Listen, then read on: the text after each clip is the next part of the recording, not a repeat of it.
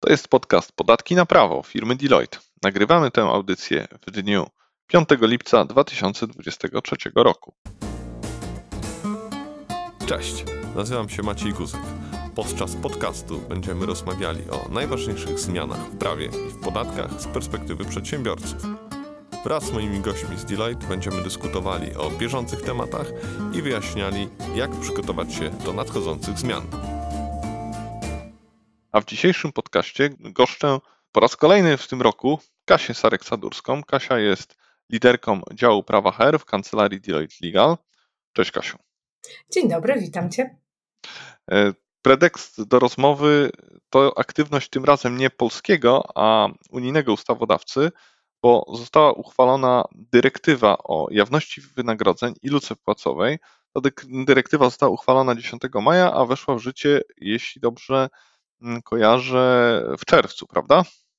Tak, dyrektywa weszła w życie 6 czerwca 2023 roku. To jeszcze nie oznacza, że ta dyrektywa już jest obowiązującym w Polsce prawem. Na implementację państwa członkowskie mają 3 lata, czyli możemy oczekiwać odpowiedniej ustawy no, około 6 czerwca 2026 roku, więc zasadnie można by było postawić pytanie, dlaczego dzisiaj o tym w tym temacie rozmawiamy. Tak, no trochę można powiedzieć, że wyprzedziłaś moje kolejne e, pytanie. E, to może e, pociągnijmy ten wątek, skoro już do tego przeszłaś. Dlaczego już powinniśmy się nad tym zastanawiać, skoro czas na reakcję polskiego ustawodawcy jest tak duży?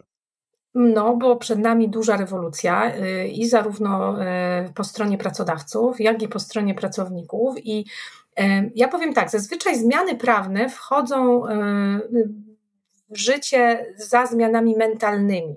A tutaj mamy pierwszy raz taką sytuację, albo przynajmniej jedną z niewielu takich sytuacji, kiedy ta, te zmiany prawne, oczekiwania e, i wymogi prawne trochę wejdą, zanim takie oczekiwania będą w nas samych.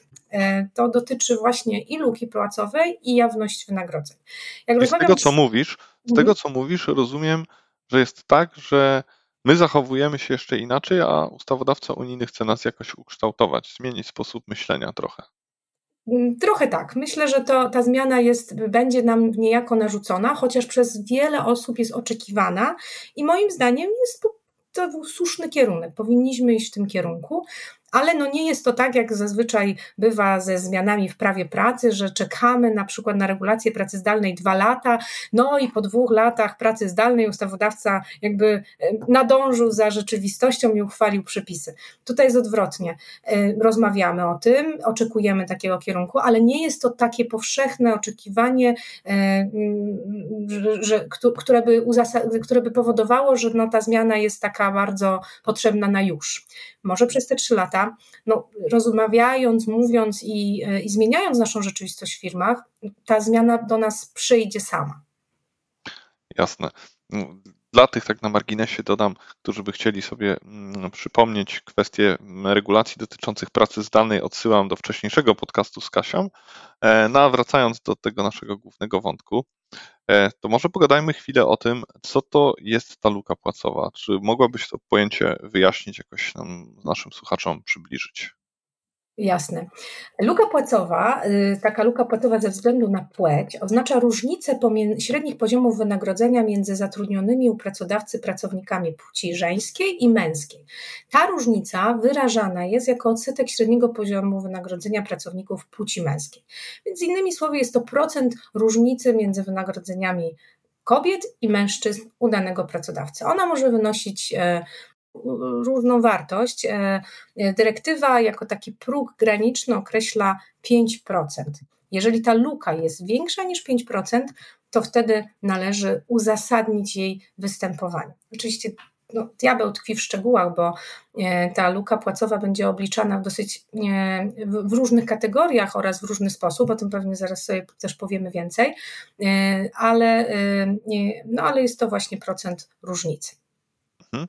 A mm, nie boisz się, mm, wdrażając te regulacje w praktyce u polskich przedsiębiorców, takiego zarzutu, że to jest kwestia taka, powiedziałbym, trochę ideologiczna, czyli wkraczająca już poza pole czystej regulacji prawnej, tylko wkraczająca już na obszar, wiesz, jakichś takich kwestii światopoglądowych, tego, co myślimy, bo ja już sobie oczyma wyobraźni wyobrażam te argumenty, że przecież jak chcą dziewczyny zarabiać tyle samo, niech idą do kopalni i pracują tak samo ciężko jak ci górnicy. No I teraz pytanie, mm, czy to jest dobry w ogóle kierunek myślenia? Czy o to chodzi w tych regulacjach dotyczących luki płacowej, czy o coś innego? Ja mam nadzieję, że to jest właśnie kwestia ideologiczna, że naszą wartością wspólną i w Unii Europejskiej, i w Polsce, i, i, nas jest to, że kobiety powinny dostawać i zasługują na to, żeby dostawać takie samo wynagrodzenie jak mężczyźni. Myślę, że no, jak regulacje prawne, takie jak konwencje e, ONZ-owskie, traktaty Unii Europejskiej, nasza polska konstytucja, wszystkie te akty prawne e, taką wartość e, wskazują jako jedną, jako wartość podstawową. Więc tak, mam nadzieję, że to jest kwestia ideologiczna, ale nie, ale nie oznacza to jednocześnie, że to nie może być też kwestia prawna, bo sami wiemy i pokazują to statystyki, że prawo prawem, wartości wskazane w tych przepisach i konwencjach to jest jedna sprawa, no a rzeczywistość rzeczywistość y, nie zawsze za tym nadąża z różnych powodów. I ja myślę, że y, y, problem leży w tym, że tych powodów jest bardzo dużo, one są zróżnicowane i próba uproszczenia tego problemu czy zagadnienia do jakiegoś jednego przypadku górników po prostu jest płaszczeniem i nie do końca właściwym odbiciem tej zasady. Chodzi o to, żeby ta wartość, pracy kobiet była y, tak samo oceniana jak wartość pracy mężczyzn. I, I żeby w ogóle wyceniać wartość pracy nie względem tego, e, czy ktoś jest kobietą, mężczyzną, czy jaką ma rasę, jaki ma kolor e, oczu albo innego typu kryteria, tylko chodzi o to, żeby wyceniać rzeczywiście wartość tej pracy obiektywnie i w sposób e, uzasadniony. I chyba e, do temu ma służyć cała ta regulacja. Czyli dobrze rozumiem, że tutaj chodzi o to, żeby krótko mówiąc, kobiety dostawały za tę samą pracę porównywalne wynagrodzenie co mężczyźni. No bo z drugiej strony oczywiście ja sobie potrafię wyobrazić takie sytuacje, czy to tych górników, czy pewnie jakieś inne przypadki, gdzie no ta przewaga mm, mężczyzn wynikająca z biologii, czy nie wiem, z e, jakichś e, uwarunkowań kulturowych, jak na przykład mm, w przypadku sportowców, powoduje, że ta ich praca jest obiektywnie więcej warta, bo oni po prostu temu pracodawcy więcej pieniędzy przynoszą. E, I rozumiem, że w takich sytuacjach ta rozbieżność między wynagrodzeniami, ona będzie akceptowalna. Natomiast jeśli ktoś robi to samo, wnosi porównywalną wartość, to niezależnie od tego, czy jest kobietą, czy mężczyzną, powinien dostać mm, porównywalne wynagrodzenie. Czy ten trop myślenia jest y, słuszny? Bardzo słuszne. Bardzo dobrze to podsumowałeś, więc tak jak ja wcześniej zadałam sobie sama pytanie, tak ty pięknie na nie teraz odpowiedziałeś, e, ale, ale e, tak, to jest, to, to jest dokładnie, dokładnie to, czyli powinniśmy płacić tyle samo za taką samą pracę. Czyli jeżeli robimy dokładnie tak to samo, to powinniśmy dostawać to samo. I ja sądzę, że paradoksalnie z tym problemem nie mamy ani w biznesie, ani w prawie, ani w organizacjach naszych, prawda? No bo jak widzimy, że ktoś robi to samo, to płacimy tyle samo. Ja wierzę w to, że e, przedsiębiorcy są racjonalni i oni i, i nie chcą jakby dyskryminować wprost kobiety albo e, mężczyzn, albo inne grupy, dlatego że, e, że chcą na tym zaoszczędzić. Nie, ja wierzę w to, że ludzie, którzy robią to samo, zarabiają tyle samo. Tylko, że problemem jest drugi aspekt tego zdania, to zawsze po przecinku, tak? że nie tylko chodzi o pracę taką samą, ale również o pracę taką z takiej samej wartości. I tu już zaczyna się element porównania. Co to znaczy praca takiej samej wartości? E, jakby, no już wiemy, że na pewno nie jest to taka sama praca, bo jakby była to taka sama praca, to by była w, jakby w pierwszym punkcie, tylko jest to praca e, no, inna, ale powinna być zwartościowana tak samo. No i przepis nam tu pomaga e, i to jest przepis, który od lat istnieje w kodeksie pracy i mówi, że praca takiej samej wartości to jest praca, która wymaga takich samych, znaczy no, analogicznych czy podobnych kwalifikacji, wymaga takiego samego bądź podobnego wysiłku i odpowiedzialności. No i to są wszystko, mimo wszystko, takie klauzule generalne, które gdzieś trzeba obiektywnie zważyć. I tu możemy, moim zdaniem, mieć problem, żeby zwartościować te prace, które występują na przykład w obszarze jednej firmy, w taki sposób, żeby je dobrze porównać. Tak? Ile warta jest praca w HR-ze w porównaniu do pracy w sprzedaży? Ile jest warta praca e, w, e, w dziale IT w porównaniu do działu logistyki na przykład, tak?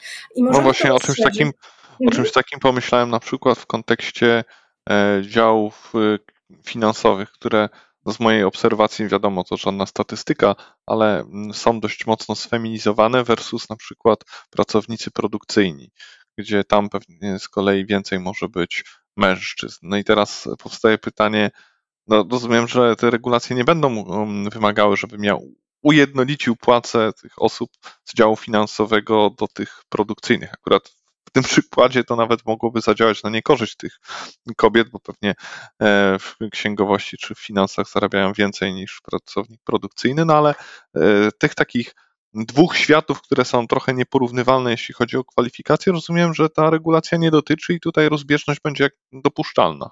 O ile uważamy, że to są prace innej wartości, bo ja sobie mhm, potrafię wyobrazić jasne. pracę w produkcji, która będzie miała taką samą wartość jak praca w finansach, tak, bo będzie on wymagała odpowiednich kwalifikacji, będzie wiązała się z odpowiedzialnością i wysiłkiem porównywalnym.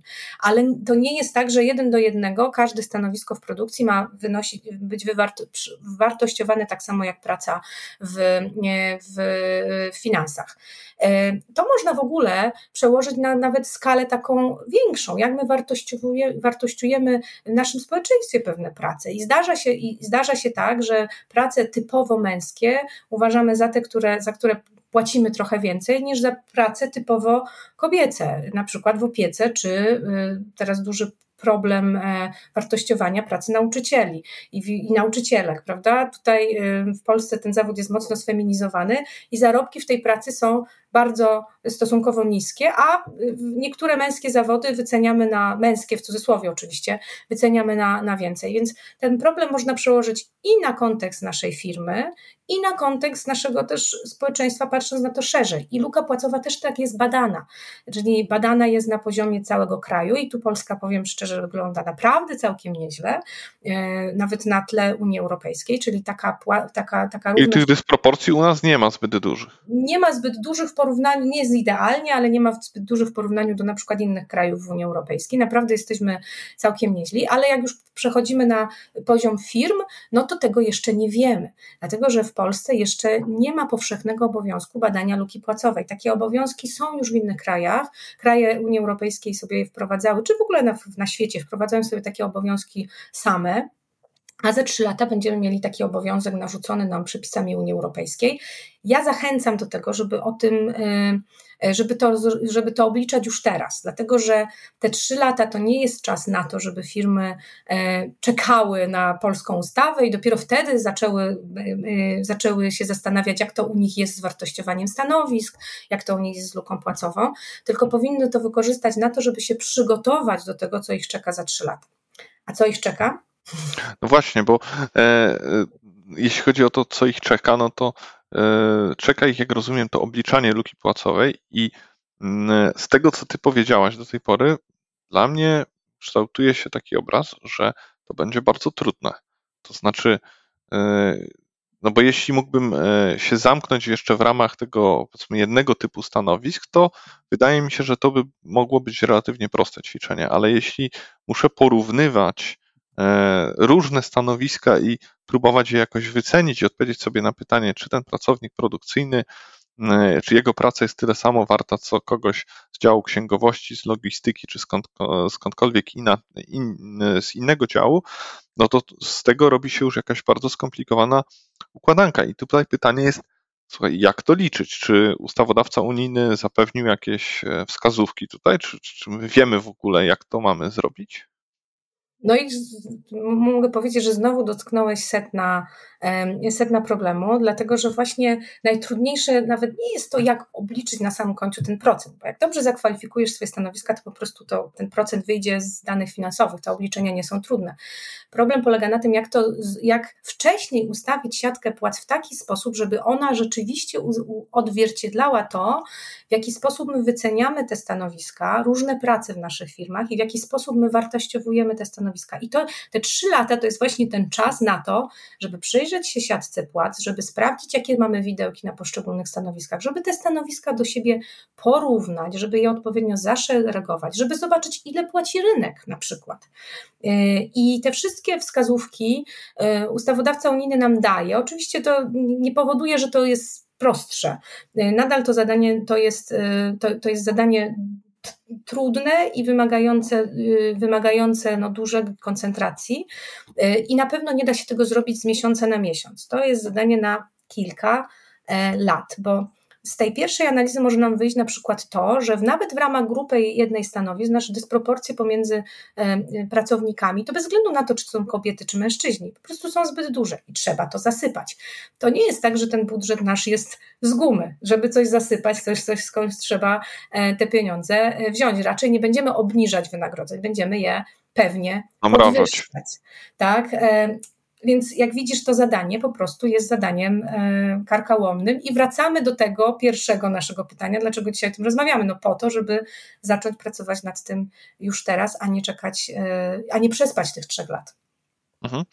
E, to ja jeszcze nawiążę do jednej rzeczy, którą wychwyciłem w, w tym, co powiedziałaś przed sekundą, bo powiedziałaś, że to działa w obie strony i dobrze rozumiem, że jeśli bym miał taką sytuację, gdzie to mężczyźni byliby z jakichś powodów dyskryminowani.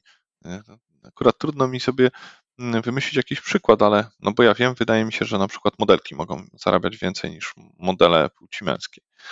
I e, jeśli by była ta sytuacja w drugą stronę przesunięta, czyli to mężczyźni byliby mm, poszkodowani, to rozumiem, że ta regulacja działa tak samo. Tak, tak, to ona ma chronić równowagę pomiędzy, pomiędzy tymi zarobkami, więc tutaj jak najbardziej e, e, byśmy musieli również wytłumaczyć się z obiektyw, obiektywnie z tej, e, z, z tej zbyt dużej i nieuzasadnionej luki płacowej. Bo znowu żeby, żeby to wybrzmiało. Luka płacowa może istnieć też, też, e, tylko też my musimy wiedzieć, dlaczego ona istnieje, co, z czego ona wynika.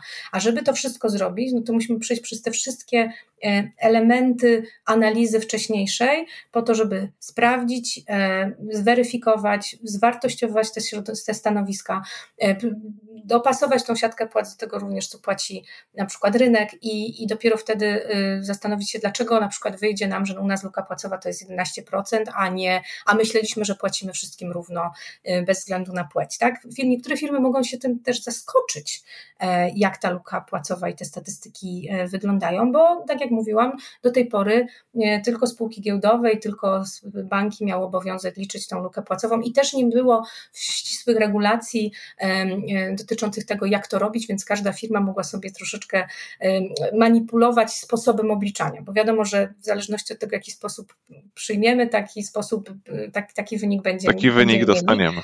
Teraz wszyscy będą obliczali tą lukę, e, lukę, e, lukę podobnie. Oczywiście wszyscy, to znaczy e, też tylko pracodawcy, którzy, którzy mają wystarczającą liczbę pracowników i ci, którzy mają od 100 do 249 pracowników będą obliczać takie, y, taką lukę i dawać sprawozdanie co 3 lata.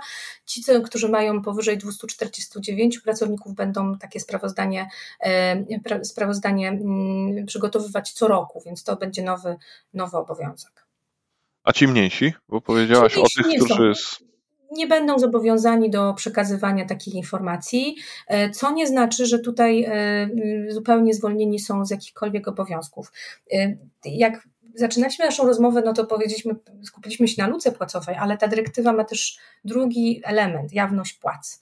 I ta mhm. jawność do, do jawności to, tak. to, to, to, zaraz, e, to zaraz e, przejdziemy, ale jeszcze ostatnie pytanie dotyczące tej luki płacowej, bo powiedziałeś, że ona może istnieć, jeśli są mm, argumenty, które za tym przemawiają. Teraz no powiedzmy, że ja rzeczywiście stwierdzam obiektywnie, że są jakieś argumenty i ta luka wynosi 11 czy 15%, tak jak w Twoim przykładzie. No i teraz pytanie, w jaki sposób ja to muszę wykazać? To znaczy, wiesz, co mi grozi, kto mnie będzie sprawdzał i w jaki sposób ja muszę udowodnić, że to, co robię, jest jednak zgodne z postanowieniami mhm. dyrektywy. E, no tak, po pierwsze, jak wejdzie dyrektywa w życie, to prawdopodobnie będziesz musiał pokazać, ile e, swoją siatkę płac e, ujawnić. A komu będę musiał pokazać? Tak, po pierwsze będziesz, będziesz to musiał ujawnić przedstawicielom pracownikom, pracowników. W niektórych zakładach są to na przykład związki zawodowe. Będziesz też to musiał ujawnić pracownikom na ich żądanie oni wtedy będą mogli się zastanowić, czy na przykład nie zarabiają za mało albo nie zarabiali za mało wstecz. Dopóki nie uzyskają takich informacji, y, nie będzie biegł termin przedawnienia ich roszczeń o różnego rodzaju odszkodowania czy wyrównania. Więc pierwsze, co, co grozi y, pracodawcy, którzy nie płacą w sposób zobiektywizowany, tak? E, czyli równo za równą płacę albo zapłacę takiej samej wartości, no to roszczenia pracowników indywidualne indywidualne roszczenia pracowników o, tą, e, o wyrównanie ich e, wynagrodzeń. Czyli dobrze rozumiem, że taki pracownik będzie mógł pozwać pracodawcę o wyrównanie?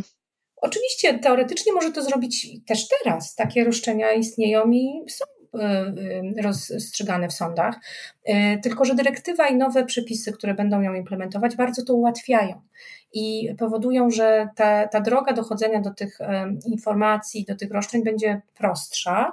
Co więcej, tak jak mówiłam, nie będzie bieg termin przedawnienia, dopóki pracownik się nie dowie, że naprawdę jest dyskryminowany, co powoduje, że to ryzyko nie będzie się rolować i będzie coraz większe z każdym, z każdym rokiem. To jest bardzo istotne ryzyko od strony prawnej, bo pracodawcy bardzo często patrzą na to, jak daleko wstecz e, grozi im na przykład jakiegoś, jakiegoś typu roszczenie. Tak? My, my jako prawnicy, doradcy podatkowi, tak często takie, takie analizy też przygotowujemy, a tutaj ten termin będzie zawieszony. Y, co więcej, y, jeżeli pracodawcy będą naruszać te przepisy, to mogą zostać albo wykluczeni, albo nawet y, w jakikolwiek inny sposób sankcjonowani w, w, w przetargach publicznych, zamówieniach publicznych. Nie wiemy, jak będą implementowane dokładnie te przepisy, ale dyrektywa daje taką furtkę. I to może być dla wielu przedsiębiorców poważny, e, poważny problem, jeżeli ich biznes oparty jest właśnie na, e, na zamówieniach publicznych. A jakieś kary administracyjne, kary pieniężne nakładane, nie wiem, przez inspekcję pracy albo inny organ, który by do tego uzyskał kompetencje? Na pewno takie kary będą. Na razie nie wiemy, jakiego rodzaju będą to kary, ale, taka, y, ale dyrektywa zawiera takie, takie kary.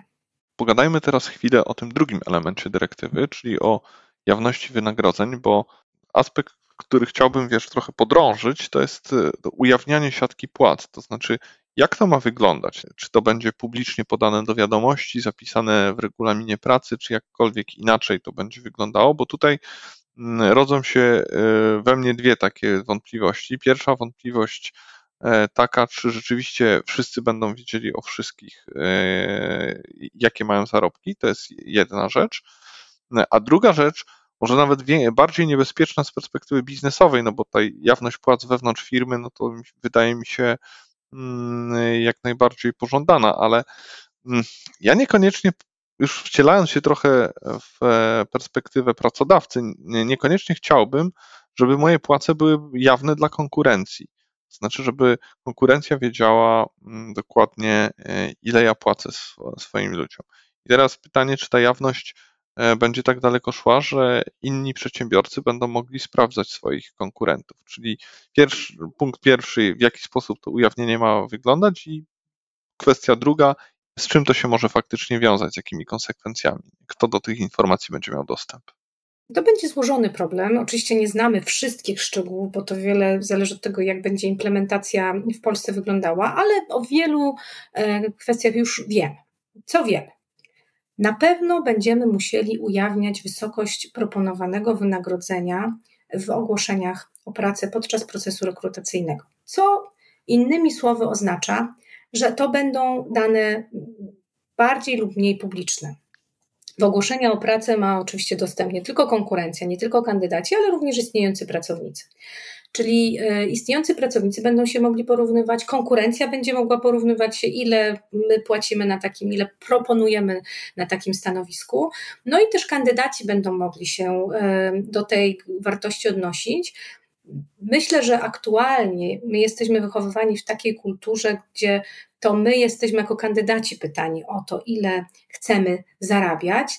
I tu statystyki pokazują, e, i tak mówią naukowcy, którzy zajmują się badaniem tego zagadnienia, że kobiety statystycznie proszą mniejsze, o mniejsze kwoty niż mężczyźni i statystycznie kobiety rzadziej proszą o podwyżkę niż mężczyźni, co powoduje, że znowu rzadziej ją dostają w związku z tym.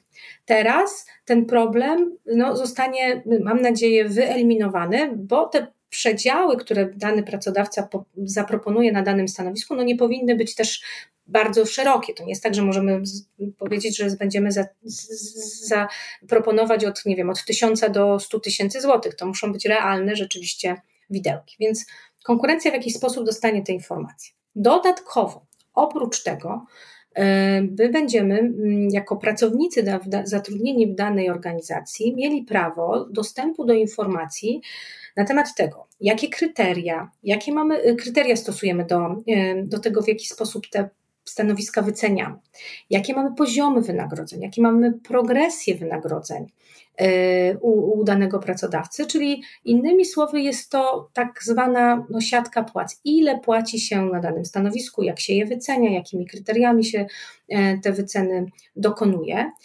nasi pracownicy będą mieli dostęp do takich informacji albo za pośrednictwem tak zwanego organu do spraw równości i my nie wiemy dokładnie, jaki to będzie organ. Być może będzie to na przykład Państwa Inspekcja Pracy, ale nie wiemy. Albo e, poprzez swoich przedstawicieli, czyli na przykład poprzez związki zawodowe. I tu rola związków zawodowych urośnie no, w zasadniczy sposób. Dodatkowo nie będzie można zabraniać ujawniania mm, wysokości wynagrodzeń e, pracownikowi. Znowu e, takie klauzule, które zabraniały ujawniania takich, e, takiej wysokości, bardzo e, są rozpowszechnione i były popularne na naszym rynku. Teraz już nie będą mogły być wpisywane do umów o pracę, no i też jako pracodawcy nie będziemy mogli z tego powodu wyciągać negatywnych konsekwencji, o ile pracownik będzie to robił właśnie na potrzeby równości wynagrodzeń. Bo jeżeli teoretycznie by ujawniał to na potrzeby właśnie, nie wiem,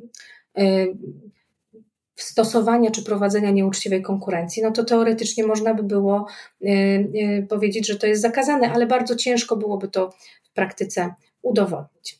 E, więc y, tych źródeł pracownik będzie miał sporo. Pracownik będzie też mógł po prostu żądać ujawnienia informacji, mm, jeżeli podejrzewałby, że na jego stanowisku inni pracownicy zarabiają więcej niż on.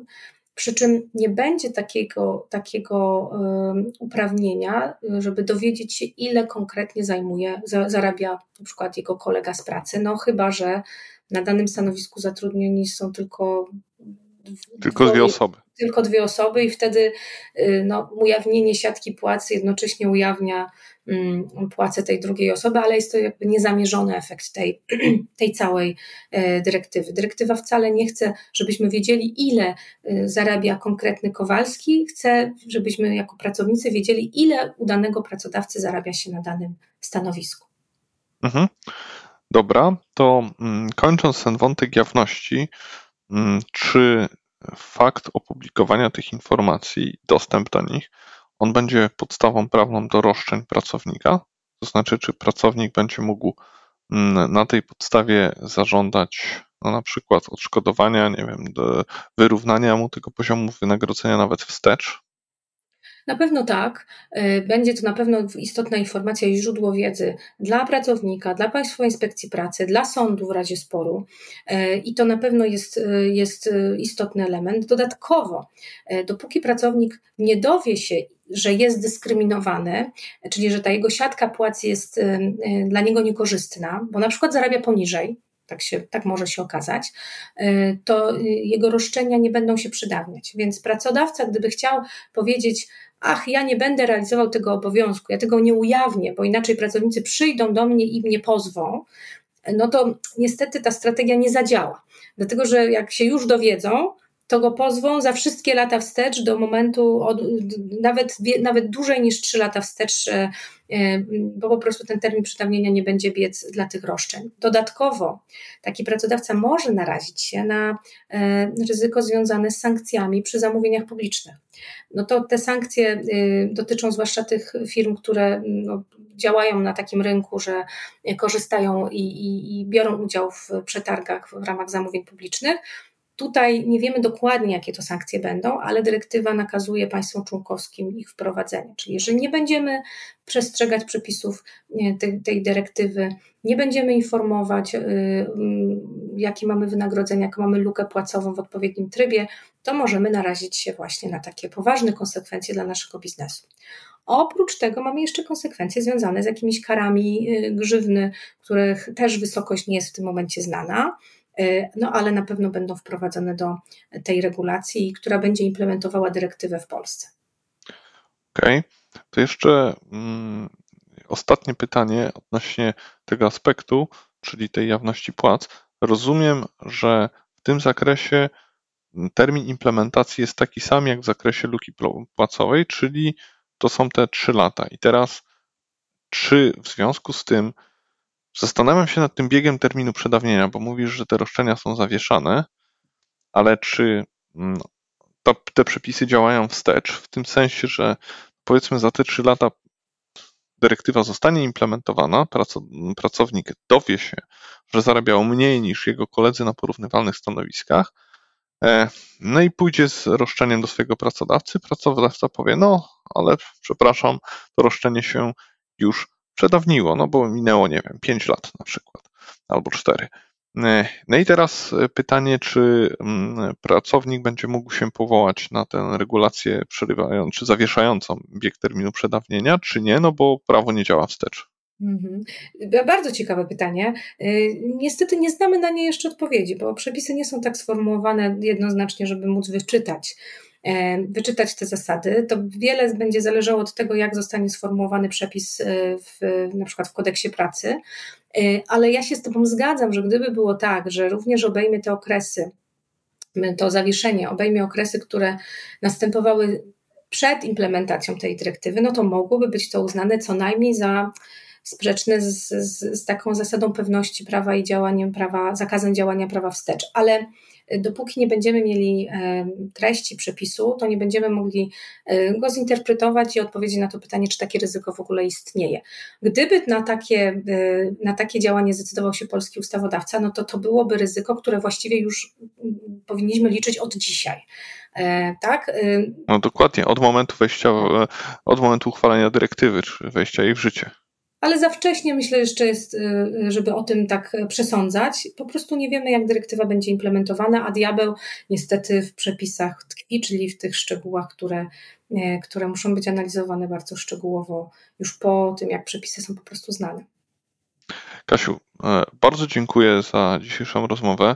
To jest e, bardzo ciekawy temat, nie tylko zahaczający o kwestie stricte prawne, ale takie kwestie kulturowe i zmiany myślenia. Także e, mam nadzieję, że ten podcast e, odbije się szerokim echem wśród pracodawców i pracowników.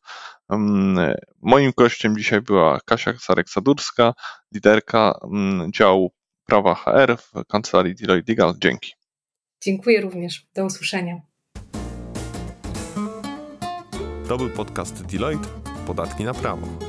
Zapraszamy do odsłuchania pozostałych odcinków na stronie www.deloitte.com łamane pl łamane podatki na prawo.